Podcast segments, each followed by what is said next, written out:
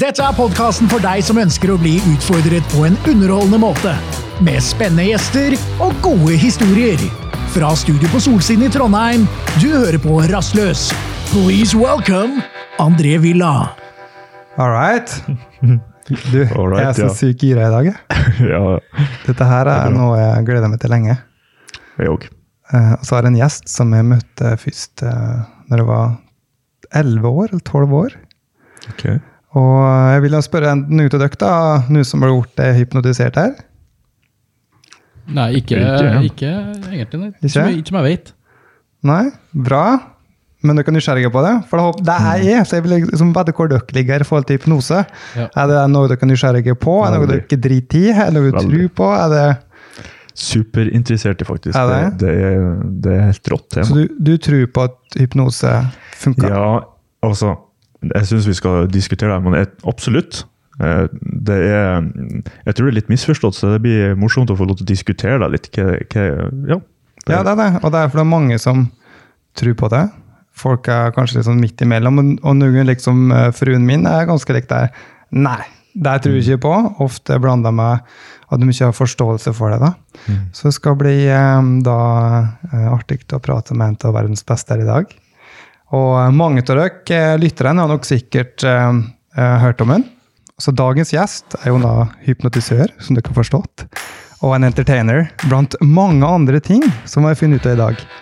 Mange har sikkert fått med seg da han var på sportsklubben på VGTV og hypnotiserte Erik Follestad. Han er underholdt i hele verden og har hatt flere TV-show, deriblant Tyrkia, Sveits, Danmark, Sverige, Libanon og Norge. Torgrim Holte, som er med oss, han har vært i medielyset lenge, også som gjest i Skavlan, men nå er han da bosatt i Spania. Og i dag er han gjest hos oss. Torgrim, velkommen til Trondheim. Tusen takk. Ja. Hva gjør du i Trøndelag? Jeg er på en turné for å hjelpe litt soldater som er innestengt i covid og ikke har så mye velferdsmuligheter. Så nå er jeg ute blant alle, absolutt alle avdelinger i Norge for å prøve å gi dem litt humor og atspredning i hverdagen, liksom. Ja. Ja. Så i morgen så er det Stjørdal. Stjørdal. Ja, ja, ja. Eh, Men hvordan er det der? Har du, har du som andre eh, maks 200, eller? Ja, det, og mye mindre også. For det Forsvaret er inndelt i familie og tropper og hvem bor sammen. Men eh, maks 200, ja, absolutt. Dessverre. Sånn tro, det tror jeg det kommer til å være i, sikkert til neste jul, altså. Dessverre. Så er det jo like at eh, en del ting går av moten, men det gjør tydeligvis ikke hypnose. Nei, hypnose er jo engasjerende, sant. For er 50% tror, og 50% tror ikke. Selv om hypnose er vitenskapelig bevist og brukt til medisin, til anestesi, bedøvelse og alt det der. Men Norge henger jævlig langt bakpå. Fordi at eh, i utgangspunktet så var det en lov etter paragraf 364, 209 og 235 i straffeloven, som forbydde hypnose for andre enn leger, tannleger eller psykologer. Men det fantes ingen, Den er fra 1912. Men det fantes ingen utdannelse, så det var ingen som kunne bruke det. Så når jeg da kunne, og lærte hypnose og kunne bruke det, så var jeg den eneste som den lova egentlig var mot. Ja. Så jeg måtte, jeg, jeg, måtte, jeg måtte jobbe jævlig lenge for å få fjerna den. Og du fikk fjerna den? Ja, ja, ja, så klart. Hallo. Litt. Hypnotisert. Ja. Den, den, den forsvant eh, i eh, På knips? ja, et knips 2005. Da den var den borte.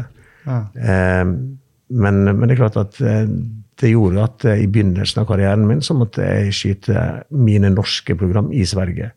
Derav navnet Over grensen. Så vi bussa nordmenn til Göteborg, filma det i MTV-studio der og sendte det tilbake igjen for å bli hypnotisert til Norge. Ja, ok, så Første gang jeg møtte det når jeg var 11-12 år, Mm. så da var jeg en live underholdning. underholdning. Så du gjorde deg ulovlig, du, egentlig? Ja, på en måte. Ja. Men nei, eh, fordi jeg passa på å bli anmeldt for å hypnotisere sønnen til lensmannen i Måløy i eh, to år før du så meg. Og det, det var jævlig morsomt, egentlig. For jeg, jeg ble anmeldt fordi at jeg skulle kjøre show. Og så ble jeg kalt inn i avhør for å spørre jeg, om jeg var strafferettslig Han erkjente straffskyld, så jeg kan ikke si noe, for jeg har ikke gjort det ennå. Det er i kveld jeg skal gjøre det. og, og da gjorde jeg det på kvelden. Det var mye styr jeg prøvde å stoppe meg, og jeg snakka med Sjuraven, jurist, og sa jeg kjører på, så får dere anmelde meg og gjøre hva dere vil.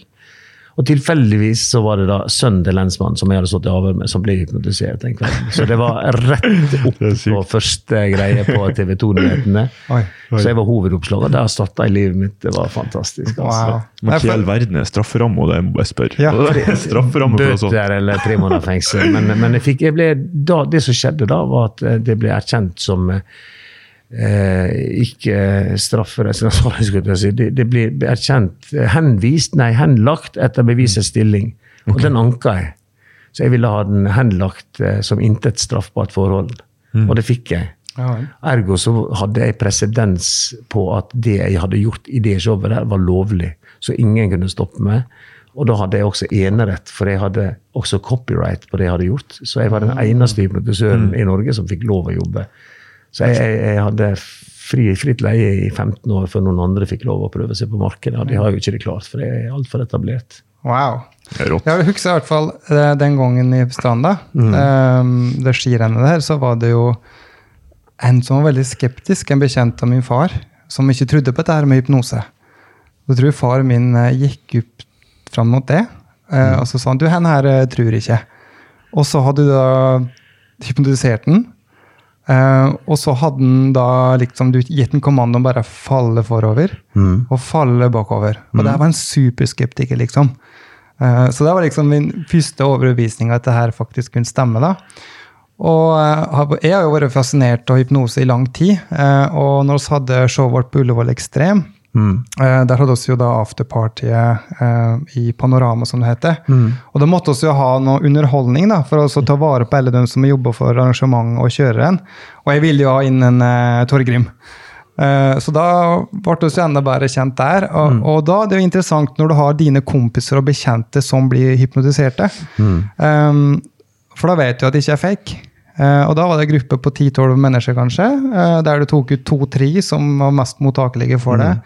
Der fikk hun da Marianne Aasland, da, dattera til en av sjefen i prosjektledelsen min, til å bli utrolig gira da, på en av utøverne, Ryan Williams. Var skikkelig forelska i det, husker du det? Og prata kinesisk. Og så hadde sønnen til Jan Erik Larsen. Eh, Ja. Eh, Jan Erik var, Larsen var jo konferansier. Han ble jo òg dypt i transe og gjorde mye forskjellig. Da, så, så det er utrolig gøy. Jeg er veldig gira nå i dag. Eh, Jeg eh, ja. Men Marius er jo som forstår litt mer skeptisk, eller i hvert fall trenger, Ja. nysgjerrig på kan det funka. da? Jeg jeg tror Marius ble overbevist her eh, på prøveopptaket vårt. For, eh, for André satt jo her og, og var hellig overbevist om at vi hadde gjort et eller annet rart med, med oppsettet på studiobordet vårt. Og drev og prata om at eh, Nei, dere har gjort noe rart, jeg ser ikke Torgrim. Eh, Ja. ja, André trodde du var at det var en illusjon, at du var trylla bort. Ja. Men jeg visste du var jo på røykepause. Ja, så Nei, lurte det på om han allerede har hypnotisert. Eller var du her? Nei, jeg var, jeg var ute og en tur. Jeg trakk friskluft, men eh, da var vi jo sikre på at du allerede var under, vi andre. Og det var det, ja? Ja, ja, At jeg ble hypnotisert tidligere på kaffen? Ja, ja. Jeg var redd jeg var under bordet. Han, Ja, ja, Hypnotisert. Jeg Han har jo kanskje blitt hypnotisert av damer før enn André, men jeg vet ikke om du Jo, det er veldig ument. ja, ja. Ja, det er kanskje det. Kan vi ikke få en sånn blom... Har vi det? Fantastisk. Få- Få den en gang til. Få det. Å, Den var fin. fantastisk. Det, Bare knips hvis du vil ha den. Ja, du, Torgrim, vi er, jo, vi er jo nesten nødt til å, nesten nødt til å spørre, da. Sånn, eh, hvordan fungerer egentlig hypnose? Går det an å spørre om det? ja, det, det går an å spørre. Og som jeg, jeg tror at å forklare det kan ta dagevis og 14 nye episoder. Men eh, hvis vi tenker oss at Dere kjører jo bil begge to. sant? Har dere opplevd, at dere har kjørt to-tre kilometer uten å ha vært med? Og sånn, Oi, hvordan kom vi hit? Ja, det går helt på auto. Ja, Auto- autopilot, ikke sant? autopilot. Du leser en bok, du kan ha lest ti sider, og så husker du ingenting. Eh, du kan treffe en mann på gata, og så sier der er han, han, han, han, og så husker ikke du navnet. Så tenker du lenge Hvem faen? Han, han, han, han, han. Og så Nei, faen, så går du videre. Og så går det ti minutter, og så Yes, Svein. Har det skjedd? Ja. Og det, det er selvhypnose. Altså måten du går i drømmeland på. Venstre hjernehalvdel det er den logiske, den konkrete biten. Og den høyre hjernehalvdelen, der har vi også langtidshukommelsen vår. Så han Svein da har ikke vi sett på lenge, så den ligger flytta over og brent inn i hjernen på høyre side.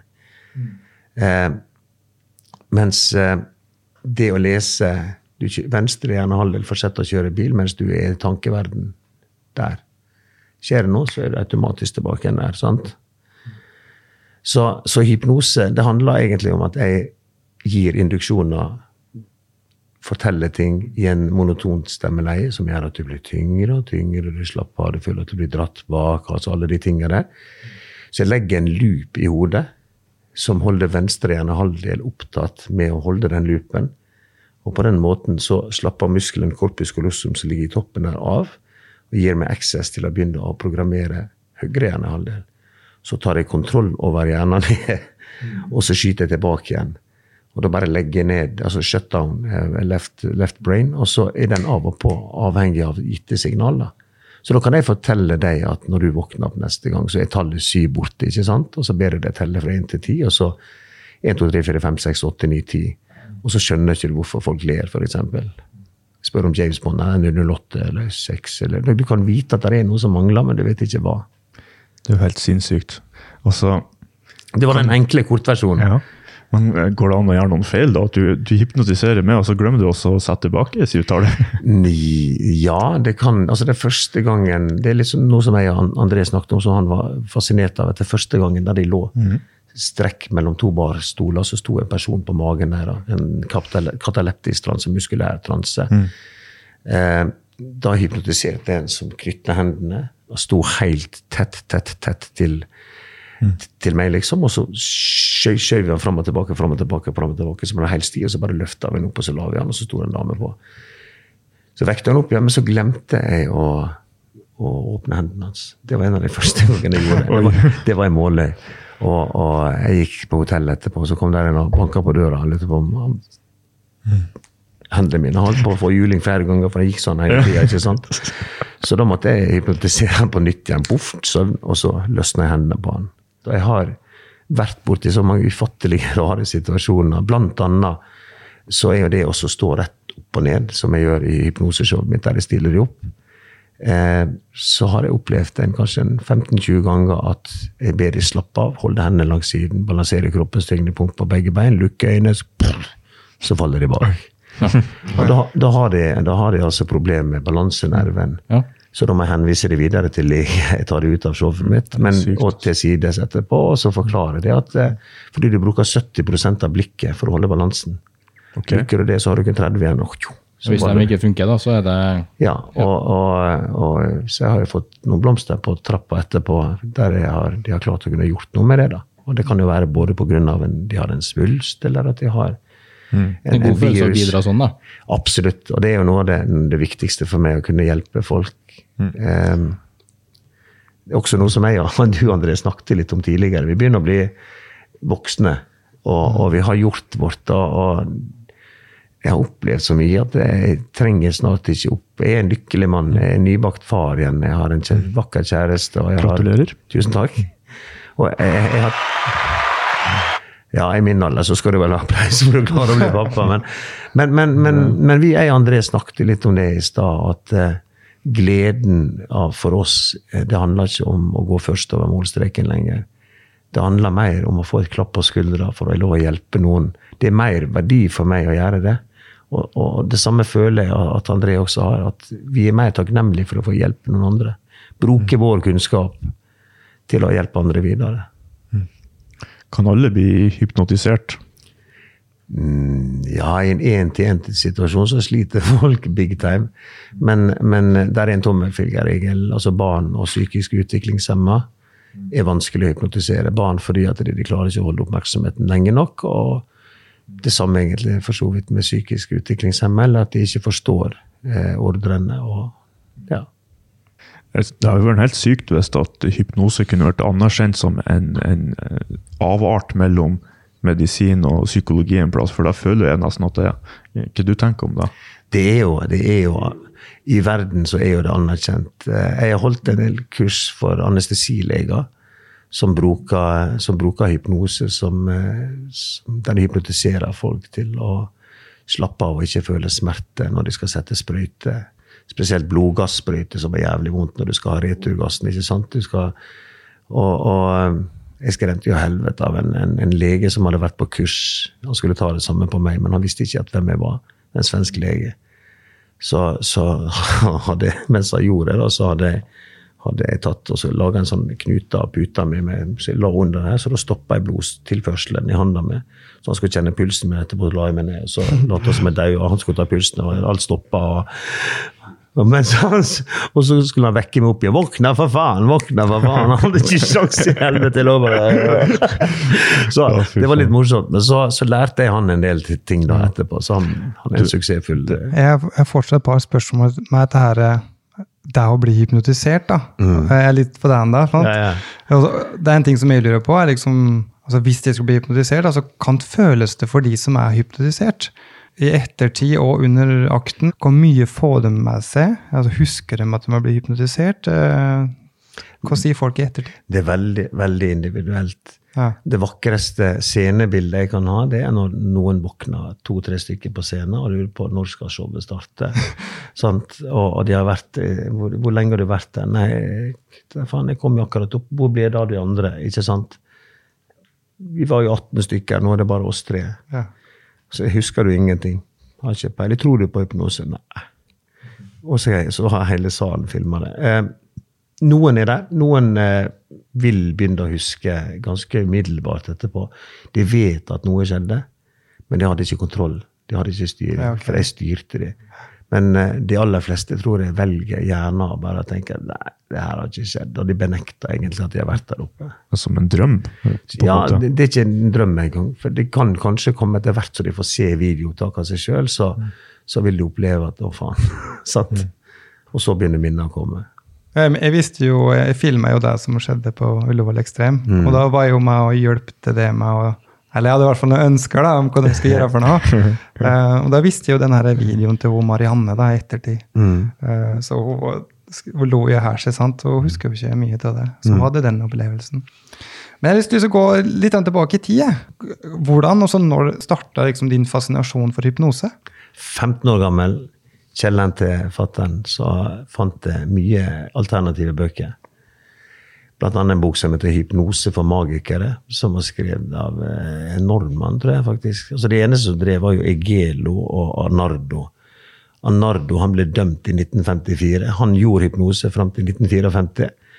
Og så ble han dømt, og da ble alle obs på den lova. Så da blokka han for at det skulle komme noen nye, helt til jeg kom inn. Men, men eh, jeg fant en bok jeg hadde en kompis, jeg trodde ikke på det. Det er helt absurd. Du kan ikke snakke til folk, og så sovner de, og så gjør de sånn. Nei, nei, nei. Så, så, det der tenkte jeg det skal jeg prøve. Og jeg prøvde. Og da hadde jeg en venn av meg som bare sovna i stolen. Og jeg skulle vekke han opp igjen, og har ikke sjans. Og så begynner jeg å bla i boka, og så mangler jeg 15 sider av den boka. Det siste 15, så jeg hadde ikke anelse på hvordan jeg skulle vekke han opp igjen.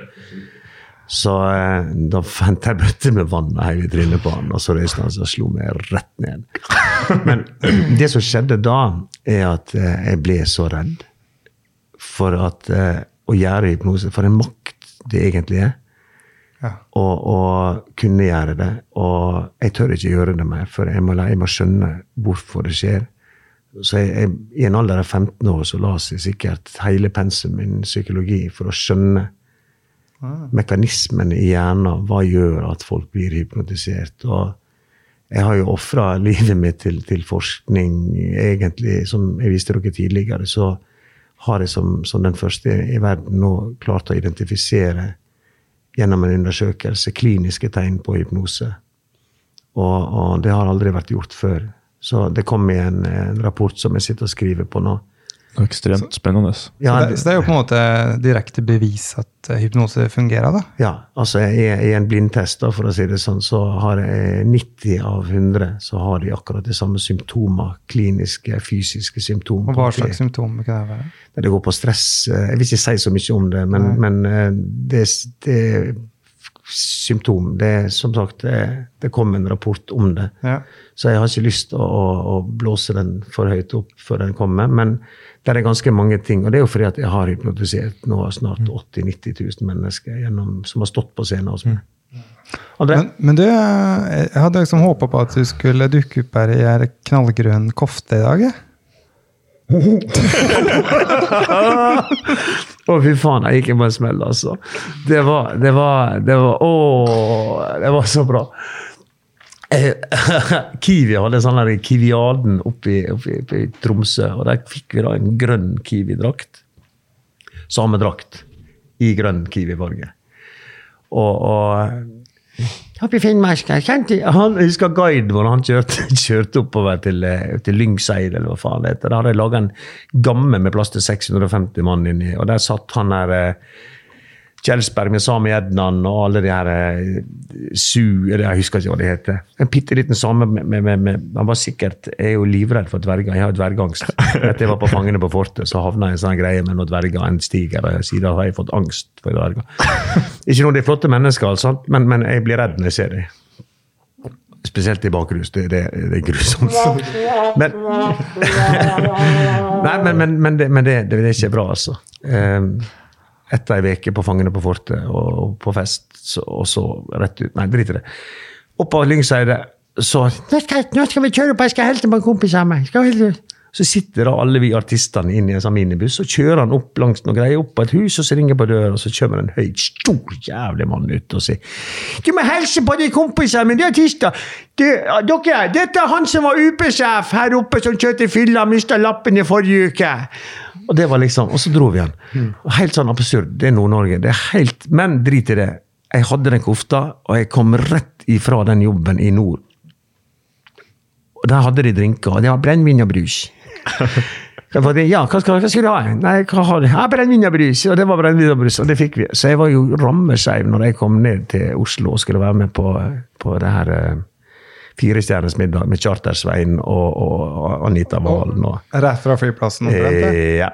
Så jeg hadde ikke Kjempeform. Så det var jo rett, jeg gikk rett fra ene fylla til den andre. Det var ikke noe mellomløp engang. Det var rett i champagne i bilen. Og så ble helvete, da. Når det her ble sendt, så kom samene og skulle ta meg. Ja. Og eh, du gjør skam på nasjonaldrakta vår. Og det var masse styr. Og så kom, kom jeg til Bergen. Og gjennom, Da hadde de fanga opp at jeg var på vei til Bergen. Jeg skulle i et møte eller på jobb. eller noe sånt. Og plutselig sier jeg 'hallo', så ser jeg ingenting. Og så ser jeg ned, der står en liten mann med mikrofon. opp. 'Hallo!' Da hadde de så klart sendt en liten same fra TV 2 for å intervjue. 'Er ikke det noe slemt å, å, å gjøre narr av nasjonaldrakta vår?' Og da hadde de ikke på meg drakta. da. Og da, da sier jeg at det, ja, det er ikke noe du går med til vanlig? skal du si det. Nei, nei, nei, nei. Sønnen min brukte den. Han har vært på TV med den, han også. Eh, i, eh, sånn VM i sykkel i Bergen og står og heier på toppen her i sommerdrakt. Men eh, for yngre sammenligning for øvrig. Men jeg sa at jeg har sett fulle folk. Jeg har bunad. Jeg har vært full i bunad.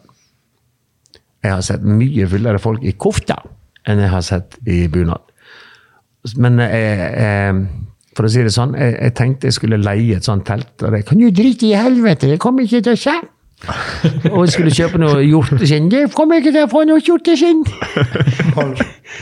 Mindre jobbe i nord? ja, lite Nei da, men, men altså jeg, jeg, jeg, har hatt jobb en gang på VM-kroa i Karasjok for et, et, liv siden. Jeg tenker VM-kroa, det er sikkert noe med VM i fotball, eller sånt, men det var ikke Finnmarkskroa! Det var ikke en jævel. Det var ingen der. Fem minutter før de begynner kjøring Nå kom de på snøscooter, alle mann. Bitte, bitte, bitte små folk. bitte, bitte små folk. I hvert fall på Wikipediaen din da, så er det ganske lignende. Det står følgende på Wikipediaen. Våren 2011 var han deltaker i TV Norges underholdningsserie Firestjerners middag halv åtte. Hans opptreden her vakte foraktelse hos en del samer, siden han stilte i knallgrønn kofte produsert i Kina. Som svar på kritikken mente Holte at samene med sin opptreden selv har gjort skam på kofta, og, og at den derfor ikke fortjener samme respekt som f.eks. bunaden. Ja, men det, altså, Jeg har jo vært på fylla med Per Heimle i kofta, og han tar jo på seg kofta. Iallfall gjorde han det. på, på Sinatra og synge karaoke. Og, og måtte kjøre han hjem i en sånn handlevogn. ikke sant? Og, og, og jeg var ikke så full. Nei, nei. nei, men det er klart alle. Du er en mann som står for meningen din. Og Ja, du til helvete heller. Ja. Jeg er en voksen mann. Jeg lar ikke med piller på nesa. nei. Og det har jo mye med bakgrunnen du har hatt, og du kjenner det godt sjøl. og vi- hvis vi beveger oss litt utenfor landegrensene nå, så har du jo historier fra utlandet òg, i timevis. Um, altså Tunisia, Tyrkia. Mm. Hvor, hvor, hvor stor var det egentlig i Tyrkia? Det er jo en liten stjerne i Norge i forhold, kanskje? Jeg var størst.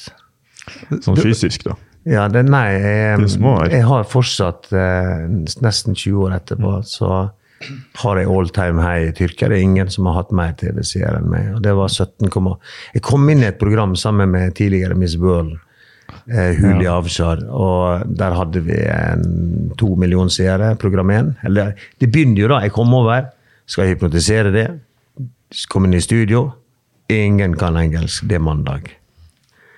Så sier jeg finn folk som kan engelsk, please. Dag to, tirsdag.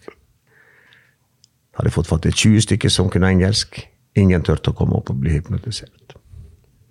Vi skal på lufta på fredag. Tilbake igjen onsdag. Har ikke fått fatt i noen folk ennå. Torsdag. Da hadde jeg flydd inn fra Ankara, fra American University i Ankara. 50 stykker. Og da smalt det. Og jeg fikk det til. Og det gikk til himmels, og det gikk i reprise og reprise og fram til neste gang. Og så i program tre så hadde vi, da pika vi på 17,8 millioner seere. Og det er det programmet vi egentlig skal gå ned på, men der gikk vi faen meg lenger opp også. Det er helt absurd. Det var helt Elvis. Elvis. Fullstendig Elvis. Nå som vet hvor mange hva du vet her, hvor mange bor det egentlig i landet? Å, nei, det er rundt 50-60 millioner. Altså, det er ukjent tall, egentlig, for det er så mye flyktninger. En høy prosentandel, i hvert fall. da. Ja, det, der. ja, i forhold til hvor mange kanaler de har. og sånn. Så, så Show-TV knuste alt. Det grusa alt. Men hvor langt gikk det fra deg da til at hypnose ble forbudt der? Nei, Jeg holdt jo på et par år med, med å lage, men, men så ble det bare mer og mer og verre og verre. Folk skulle jo være med. sant? De lagde jo Thor, The Magic Viking. sant? De spilte jo på Bosporus-stredet. Jeg lagde musikkvideo der jeg kjørte over eh, kjørte over, Bos eh, over eh, Taksim i en sånn der Bel Air med 3000 damer som sprang bak meg. Det var jo helt ja, det var helt så gale. Det var helt, eh, helt sinnssykt. Men, men en fantastisk opplevelse. Dessverre så hadde ikke vi mobiltelefoner med kamera sånn den tida. Så Dessverre, eller heldigvis. Altså, kanskje var det ikke Nei da. Ja, altså de har jo nok av aviser, for de lagde jo rykter hele tida om at jeg og Julia skulle være kjæreste. Jeg var jo samboer og hadde to barn i Norge, ikke sant? så det, var ikke, det var jo, stemte jo ikke det. da. Men, men de skulle jo lage story, og de skulle lage mat på alt. Så mediene der hadde ikke samme grensene som Eller hadde de for så vidt ikke i Norge heller, men, men Men hvorfor, hvorfor, hvorfor ville de ha et forbud mot hypnose? Eh, Hva var det de hadde imot? Folk begynte å kopiere meg, og de ville bære meg, og de prøvde seg på hypnose. Nettopp weekendkurs, så sin mulighet til å bli rike. Og så opplevde de at de ikke klarte å velge vekk folk som hadde eventuelt psykiske problem. Jeg må jo lese folk. Jeg, jeg tar aldri noen som kan skade seg sjøl eller bli skada mentalt av å bli hypnotisert. Det er ikke alle som tåler å være i medias lys heller. En ting er å hypnotisere noen på scenen. En annen ting er å ha dem på TV. ikke sant? Da har jeg et grusomt tungt ansvar. Ja, og det her er på TV-en. altså Jeg husker jo tilbake når jeg var guttunge. eh, Paul McKenna og de showene som var der. Men det er vel kanskje sånne typer show da, som har gjort at uh, veldig mange blir skeptiske til det, og tror at det er et samarbeid mellom hypnotisør og den som blir hypnotisert. da. Um, og som vi nevnte under kaffen i dag, så er det to typer hypnose, skjønte jeg. Ja, vi har jo hypnose, og vi har falsk hypnose. Eh, jeg var veldig skuffa den dagen jeg snakket med Knut Bjørnsen. Han, han fortalte meg at eh, jeg hadde rett, at han hadde spilt hypnotisert, lata som. Eh, og måtte signere en, et papir med Paul McKenna om at han spilte hypnotisert. Paul McKenna han eh, var en flink entertainer, litt glatt engelskmann. Eh, men, men han brukte da det som jeg kaller hara. Altså han hadde folk som lata som de var hypnotisert. Og det ble jo etter hvert min største fiende når jeg begynte med mine egne show. For jeg måtte da Folk trodde at det skulle være sånn, at det var et sånn eh, mimespill, på en måte. Så, så kunsten min eh, og verste jobben min var faktisk å klare å velge vekk de som agerte hypnotisert fordi at de ville ha sine 15 minutes of fame. Så, så mm, jeg måtte jobbe mye med det i mange, mange år. Nå vet alle at det jeg gjør, er riktig, og jeg ønsker jo i motsetning til Noen ønsker jo å bruke meg som en salgspitch for å få de inn på folk, eller inn på, på kickoff, eller hva nå det skal være. Mens jeg elsker å gå på scenen når jeg vet, og arrangøren vet, at ingen vet at jeg skal være der. Jeg går rett på scenen, og så tar jeg det der og da. Da er den, den er borte, og da blåser de av banen. Fullstendig. Og da går jeg på scenen, så går jeg der tre minutter, så står du der og Hvor lang tid bruker du på å hypnotisere? Det kan være snakk om to-tre minutter. Ja. Noen ganger Noen ganger bruker jeg fem minutter. Ja. Jeg, jeg lager jo kaos. da. Jeg har masse, masse folk på scenen samtidig. ikke sant? Så én står fast i gulvet, og én klarer ikke å telle, én klarer ikke å snakke, og én har mista kølla. Du sa jo to-tre minutter her nå, da. ikke? Nei, jeg jeg begynt å gå litt over tida her nå. Stian er klar for å bli hypnotisert. Ja. Jeg, jeg, bare, jeg bare vil tilbake til, til Tyrkia-perioden din for, for en liten sånn faktainfo der. da. Mhm. Um, når du pika på episode tre, så var det 20,7% av den registrerte befolkninga i Tyrkia da, som uh, fikk med seg. Oi. Det er ganske stort. Ja, men det, det er stort. Og det var jo det som skjedde etter det igjen, da. Så, så ble jeg Jeg fløy jo fram og tilbake mellom Norge og, og, og Tyrkia, og Norge skjønte de at det skjedde noe i Tyrkia. Jeg har en sånn to-tre sider på kjentfolkgreiene på VG, og s- gjør, nordmenn, ukjent nordmenn gjør, nordmann gjør suksess i utlandet. Men det ene programmet jeg gjorde her, ble nominert til Gullrosa i Montreux. Stilig. Og, og for meg, da, å reise til Montreux og Å, faen, nå kom jeg på en historie. Uff. Um, til Montreux og, og, og knuse Ali G, som han kalte seg den gangen, Borat og alt sånt, i VM i TV. Eh, For et tyrkisk TV-program med en norsk programleder. Det var stort. Jeg husker nordmennene de visste ikke. TV 2 var også nominert, NRK var nominert, men ingen lurte på de lurte på hvem i faen var han fyren. Så når jeg kom ned og skulle ned Jeg hadde jo sånn VIP-show for 600 VIP-gjester før hele forestillinga. Og det var jo sånn, også en ny pitch da for nye TV-kanaler, ikke sant? for der er jo folk fra hele verden. Og eh, det å være der var en helt sånn absurd greie. En nordmann som kommer med et tyrkisk program, ty- tyrkisk program og så så han eh, Jeg husker ikke hvem det var, men det var masse NRK-folk som gikk opp mot togene og drar hjem til Norge. Da gikk jeg ned for å plukke prisen min. Det var en god stemning. Ja, okay, ja. Tenker, det, det er jo veldig Du har jo ha, hatt en veldig stor status eh, utenfor Norge, da, og, til å begynne med. Mm. Nei, jeg, jeg begynte å tenke litt ha, Hadde jo Du må jo da ha røyka på noen store fester her, og noen spenstige sprell på, på kveldstid, og kanskje truffet en og annen eh, storhet Ja, underveis? ja, altså mye, mye har skjedd, og det er klart eh, eh, Men eh, party, ja.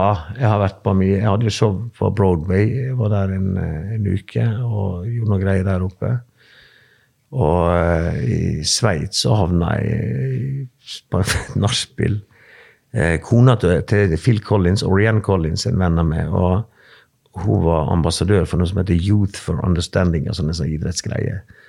Og de hadde sånn idrettsgalla der, og der var da de her typiske amerikanske, eh, sveitsiske. Så jeg hadde, hadde party med, eller ble invitert på party hjem til de etterpå, da, sammen med Boris Becker, Jannik Noah og Tina Turner og mannen hennes Phil Collins. og ja, Vi var en hel gjeng, liksom. Og en del eh, sveitsiske stjerner. Og, og meg Ja. lille meg, liksom. Og der gikk lyset jævlig fort, husker jeg. Det var, det var eh, Det var som å bli hypnotisert? Ja, det, det var liksom Jeg drakk gin tonic hos Phil Collins. Det var liksom sånn, Eller Tom Collins hos Phil Collins. Det var noe sånt Se og Hør. De hadde klart å på en eller annen forunderlig måte funnet ut av den greia. For det som skjer, det er jo at jeg slukna sikkert en eller annen gang. Jeg hadde sikkert drukket en hel liter med hjerneskade. Eh, tror jeg. Fordi jeg, jeg, det gikk i svart selvhypnose, kanskje. Jeg vet da Ja. faen.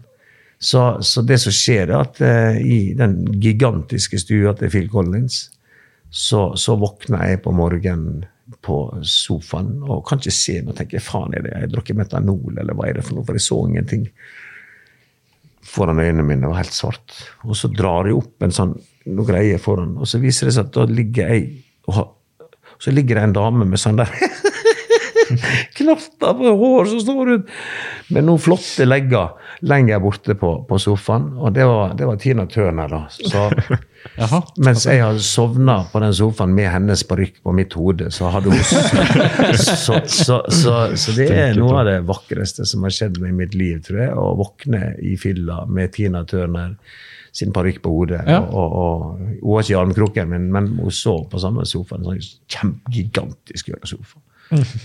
Det var sikkert en spesiell opplevelse. Ja, ja, det er det. Altså, livet er jo sånn. Livet gir, livet tar. Jeg husker da jeg var i New York også, hadde show der. Så, så fikk jeg beskjed om at du drar opp og så spis på, på Lanesborough Hotel oppe i det er England. Ja, whatever. Et hotell oppe i Upper eh, East Manhattan, liksom. Bestilte meg et bord. En liten restaurant på dobbelt så stor som det rommet vi sitter i her nå. liksom. Det var kanskje 30 bord. Så sitter jeg bare ved siden av et piano og spiser biff, og så ser jeg opp, og så står faen meg Woody Allen. Han spiller der hver mandag med bandet sitt. Og da havner vi på nachspiel med Woody Allen også. Men jeg ble kasta ut, for jeg begynte å kalle han pedofile svin. så, så jeg kom jo på at han gifta seg med dattera. Det var var dårlig stemning, altså. Han gifta, har han gifta seg med dattera, ikke i arbeid? Ja, stedattera. Ja, ja. Adoptivdattera til Jomia Farrow. Oh, Så, wow. så det, det var litt Sjukt, eh, Men jeg tenker på, du, du, når du ble en så stor TV-stjerne da, og fikk mye oppmer- oppmerksomhet Mm. Jeg tar den på nytt. Slett med å prate litt der. Det var mye stokk. Det var mye stalking der. Jeg er fortsatt utsatt. Jeg drikker ikke engang. Litt uh, mye monster her. Uh, I hvert fall så um, Når du ble stor TV-stjerne, eh, så ble du blitt lagt merke til.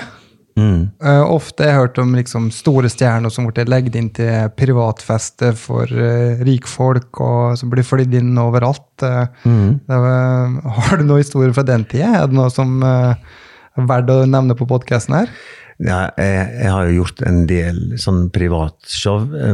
Mye rike folk i Norge, for å si det sånn, som, som ville booke min. Men, men kanskje det mest eksotiske er, er midt i innspillinga av mine TV-program som gikk i Midtøsten, da, på, på eh, Ja, det var under ramadan, for at vi skal ha noe å se på.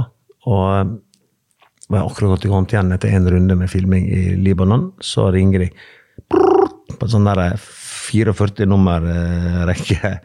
Hello, this is it for the Royal Cabinet Office in Riyadh. Um, we want very, very want, want you to come to us to do private show for the royal family.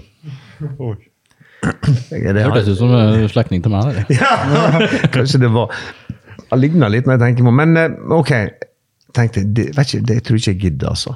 Eh, å dra faen meg til den andre sida av jorda for å ha et show. Eh, men eh, jeg har akkurat kommet hjem, så jeg er hjemme med sønnen min, og vi har litt tid å gå ut og fiske krabber og kose oss. Og How much? Nei, men drit i det, sier. How much? You know they will kill me if you don't come. Jeg kan ikke ha et liv, til, et liv på, på, på samvittigheten, liksom. Så, så eh, tenkte jeg Jeg bare prisa meg ute, så jeg sa et eh, grusomt høyt tall. Jeg vil ikke gå inn på det, for jeg er ikke sikker på om skattemyndighetene Om det er foreldre. Det er 20 år siden nå. Så, jeg- for sikkerhets skyld så så, jeg et, et såpass høyt tall at jeg kunne cashe ut huset mitt når jeg kom hjem. da. So, okay, thank you, save my life. You, you, go to, to Stockholm tomorrow morning. You go to the embassy, and we will uh, arrange the passport and the stamp, and we will send a private jet to pick you up in Stockholm. Jeg for til Stockholm, ringte på ambassaden. Sorry, Klaus, open Monday! Og så ringte jeg, og så ser jeg bare på andre sida av døra. Jeg sto på utsida, han sto på innsida. Så, yes, your highness. Yes, your highness. Yes, your highness. Sure, your highness. No problem, your highness. Yes, your highness. Yes. Og da kom de og åpna døra. Da ringte en eller annen kronprins og sa fra at han skal inn, og han skal ha pass, og han skal hit. Inn. Fikk stempel og hele greia og forever og alt sånt i Saudi-Arabia. Flydde inn til Saudi-Arabia, landa på den eh, kongelige gaten. De har egen kongelig gate, sant, så klart. Hallo. Henta en, en limousin og kjørte inn til Alfa Lela-hotellet. Og, og lagt inn på et rom der, og der ligger jeg i tre døgn og venter på at de skal ha tid til å treffe meg, eller Hans Kongelige Høyhet Kronprinsen, da. Og eh, jævlig kjedelig å være på et sånt der eh, hotell alene. Og, og eneste som gikk i vanlige klær, så jeg klarte jo å få ordne med en, eh, en dishdasj og tørkle og litt sånt. sånn Jeg smeig litt inn i, greiene. Og eh, etter tre dager har jeg sett og har lest VG opp og ned og prøver å surfe på YouPorn eller noe sånt, og har jeg blitt dråpen. sant? Jeg har kommet hjem med det. Jeg har ikke klart å knipse. Jeg har ikke hatt fingrene å knipse med. Men, men blokkert. Okay, det, det det, er blokkert, er Ja, jeg tror det. Jeg vet ikke. Hvordan vet du det, André? Øh, Skal jeg fortelle det? men, men, men greia var liksom at det er jo det de sier liksom, når du er i Riyadh og går ut på byen og på sjekken, liksom. Så, så du, de, de vet jo faen ikke hva du kommer hjem med. Sant? Du kan, de kaller det forundringspakke. liksom. Du kan komme kom, Oi, helvete, det er mamma! Sant? Du, du, du vet ikke hva du kommer hjem med. Men ok. Jeg fikk telefon klokka halv to. Now you can get ready. Pack all your stuff. We will pick you up in one hour På natta. midt på natta. Tenkte, det var noe faen til tid å ha show på. Jeg var jo helt i svime, for jeg følte jo, selv om det var litt tidsforskjell, og sånn, så prøvde jeg å følge norsk tid. da. Så, så jeg var litt, helt, litt ute. Men pakka, de kom og hentet meg og kjørte meg ut i ørkenen. Og de kjørte, og de kjørte. Det var to hummere for, foran, to bak, og jeg husker ikke jeg var bil, Land Cruise eller noe sånt med kjøleskap. og og så åpner jeg, så er det masse brennevin og greier nede. Jeg tenker, faen, ikke det her de, de, ikke, de, de drikker ikke, de? Jo, de, kanskje ikke Jeg vet da faen. Så kom vi helt ut der, og når vi kom ut, så hadde de 71 containere, eller trailere, store som det her. Dobbelt så breie, sånn som de slår ut. Overalt. Det var teppe overalt, oppå sanden. Og, og jeg fikk eh, da en plass der jeg skulle skifte. Det var en seng og dysj, og det var gull, eh, gullvask. Altså, det var gull. 24 kvadrat gull. Det er så galt. Jeg tenkte faen, skal jeg hatt med en skiftenøkkel vet og dratt med meg hjem igjen. Sånn. Men eh, de kom og henta meg, da. Så i halv fem-tida på morgenen så skal jeg da inn og treffe Hans Kongelighet. Og da skjønte jeg tegninga. For det vanlige folk de feirer ramadan, og de eter jo ikke fra sola står opp til sola går ned. Men det her unngår ja, det kongelige familie. Så de snur opp ned, så de sover på dagen, og så party på natta! Så de, de drakk de red label, blue label, black label, og, og var gode i farta hele gjengen. Og jeg kom inn i et, et lokale, der sitter en, en prins, eller sju prinser på ene sida og sju på andre sida, og så står der en Eller står der sitter en kronprins på enden. Og rett foran han så ligger det en Glock-pistol. Og så er det noen sånn treskider som driver og maler på, som så ut som det ungene mine kunne laga bedre. Og jeg skal begynne å hypnotisere. så der hadde jeg det problemet. Mitt største mareritt. Ingen kunne engelsk.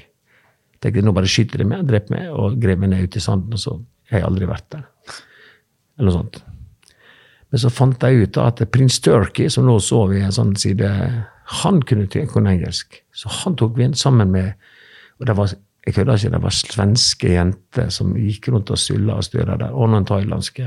Men det var masse svenske jenter. Det tenker jeg, ok, det hadde sikkert jævlig godt betalt eh, for det. Men det var en drøy eh, for meg som, som på en måte respekterte religion og alt sånt. Jeg er ikke kristen. En plass. Men jeg, jeg, jeg respekterer at det, de har sine skikker, at de ikke drikker, at de ikke driver Altså, de skal predikere Koranen, eller hva faen du tror på, etter faen.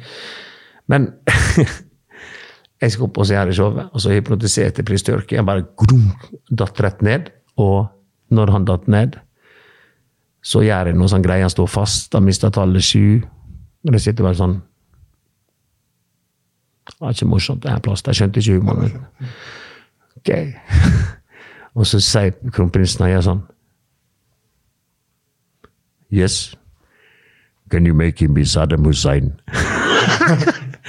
Og så tenkte jeg Saddam Hussein Jeg vet da faen hvem Saddam ja, Jeg vet ikke hvem han er, da, men sant? vi har jo hørt av han tidligere i livet. Men, Men, men eh, vi var litt sånn hva, hva, Hvordan er han, liksom? Så tenker jeg jeg må bare gamble på at han vet hvordan Saddam Hussein er. Så hypnotiserte han, og trodde han våknet opp og trodde han var Saddam Hussein. Og de begynte å stille spørsmål. og Han, for, han var en sånn miks av John Cleese og, Adolf Hitler. Og det lo de. Jeg syntes det var kjempegreie. Og Så var, var vi det i kanskje 15 minutter, og så vekk opp igjen. Ut igjen. Så ble jeg sittende ute og vente. Så kom de, og så sier de Thank you, Mr. Thor. The Royal Highness really appreciate your stuff. And, and, and uh, if you want to go for party here tonight, it's no problem. But uh, we will take you to the airport so you can go home. And we want to pay you. Uh, so we want to pay you hundred, um, some more money. Så, so det, det gjør en, uh, Så fikk jeg noen jævlige konvolutter med penger oppi. Og det jeg ikke hadde tenkt på, det at jeg tenkte jo norske kroner. Mens, eh, mens eh, de betalte i, i, dollar. Så de x antall hundre som jeg fikk, det, det kunne jeg da gange med ni. Så du sa at du skal ha det her, men spesifiserte ikke hvilken Nei, jeg sa ikke valuta. Så, så jeg fikk jeg Så du fikk betalt i dollar, men du trodde du skulle betalt i kroner? Ja. Så, Oi, oi, oi.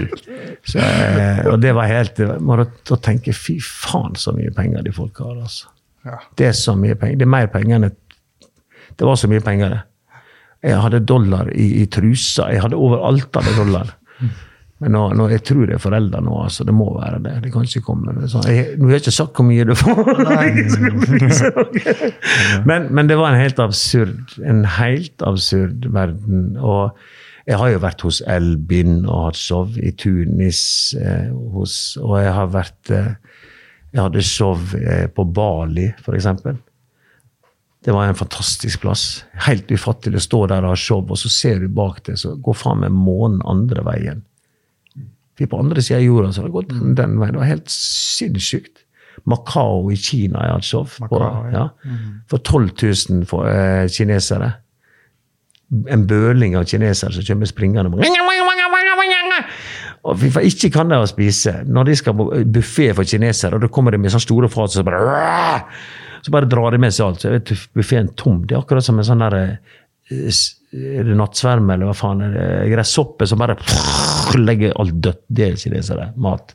Det er det faen ikke rart. Det er covid, men jeg er folka der borte. altså. Men når det var i Midtøsten, var det godt armert og beskyttelse og sånne ting? Ja. Eh, CIA, eller FBI var vel de som var, hadde oversikt og hadde sikkerheten for, for kongefamilien. da.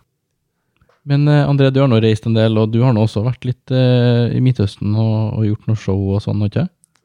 Det er litt lignende historie, men kanskje ikke så drøy. Eh, det starter jo med en, eh, en norsk-kurder som ringte meg. Som eh, ville at jeg skulle komme til Irak, da. Eller Kurdistan, da. Mm. Og hoppe freestyle motocross for Peshwanga-hæren. eh, som da er funda av USA, da. Og ja, det her var nå i eh, 2013, tror jeg. Og jeg var ganske urolig inni det, så klart. Og gjorde litt liksom det. Tenkte jeg skulle, jeg var ikke noe særlig gira, og prisa meg høyt og tenkte at dette her ikke går gjennom. Og så ble det jo til det. Jeg ble liksom menig om det. Jeg tenkte shit, nå sitter jeg her, da. Skal, skal liksom ha Kurdistan. Og ikke noe crossykler der. Eh, ikke noe hopp, ikke noe landing, ingenting. Eh, og ringer jo, først ringer jo far min, da. Han skulle faen ikke til Kurdistan. Han skulle ikke til Irak, nei. Det var ikke en tale om. Uh, de skal jaggu det seg sjøl. Kjetil Villa var trygg i våga, han. Ja, ja, det var, um, ja, det var det var fryktelig redd for dette. Faren min er sånn skeptisk. Du, har alle vaksiner som finnes. Da, så, så, og, men det var jo flere utøvere som ikke var noe særlig interessert i å være med dit. da. Mhm. Um, og til slutt så Han som jeg pleier å kjøre for meg, som heter Bryce Hudson fra USA, uh, sa nei, det vil jeg ikke gjøre. Han er amerikansk. Uh, og jeg får jo garanti om at det er, eh, det er skikkelig sikkert. Det er ikke farlig. Mm. Det er snipere på taket som beskytter. Det er trygt. ja. Så, um, men det ble dette at uh, og så begynte vi å tegne opp landing, så de skulle logge inne der. Uh, så skulle de sveisa da hele landinga uh, av stål og plåto som skulle komme inn. Og da fikk jeg tak til um, en som heter um, Ryan Brown fra Australia. Og han har kun vært i New Zealand før. Han har ikke vært i noen andre land. Han har ikke peiling på hvor han skulle reise. Uh, og så var det en Jamie Squibb fra England som ga faen. Uh, mekanikeren min eh, han hadde vært tidvis uh, selvmordskandidat, så han ga faen. Han ble med. og så hadde jeg jo møtt Orakel for ikke så lenge siden. Så um, det var liksom lyst til å ha med henne, og det var liksom debatt om hun skulle være med eller ikke. da. Men så ble det jo slik at hun var med, da, med liksom garantier fra min kontakt i Kurdistan at uh, det her var liksom høy, høy security og like ting. Så hun ble med, da.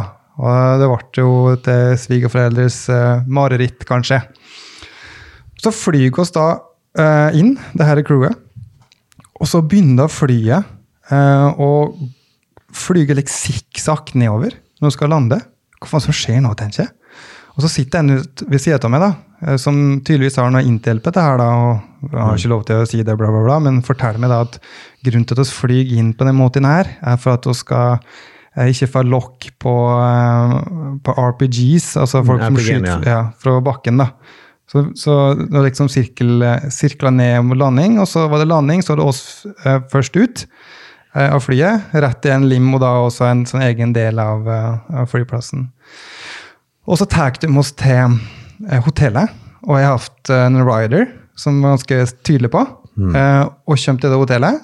Og det er ikke langt fra den standarden som vi egentlig skal ha. Og kjørte litt ut av byen, og han der australianer som kunne vært i New Zealand, da. Jeg begynner å bli skikkelig nervøs. vet du. Han skjønner jo at det er liksom i Midtøsten Irak. Uh, kommer inn til hotellet, så sier jeg bare sorry, her kan ikke oss bo. Enten tar vi oss det femstjerners hotellet som jeg vet er i byen, eller så uh, kjører oss til flyplassen. Det blir ikke noe show, sier jeg. Det gikk på sikkerhet, da. Og så da var det, ok, da var det greit, endelig, og tok oss inn til femstjerners hotellet. Det var liksom en helt annen ny verden, sant? Og så kom vi til stadion, da, der de da hadde sveisa den landinga som vi skulle lande på. Eh, Og i det, dette her var jo da um, cupfinalen, for å si det lek, eh, fotballkamp. Eh, så det var Nelly, så rapper Nelly som var artist, og så var det liksom showet mitt da på Ekstremsport.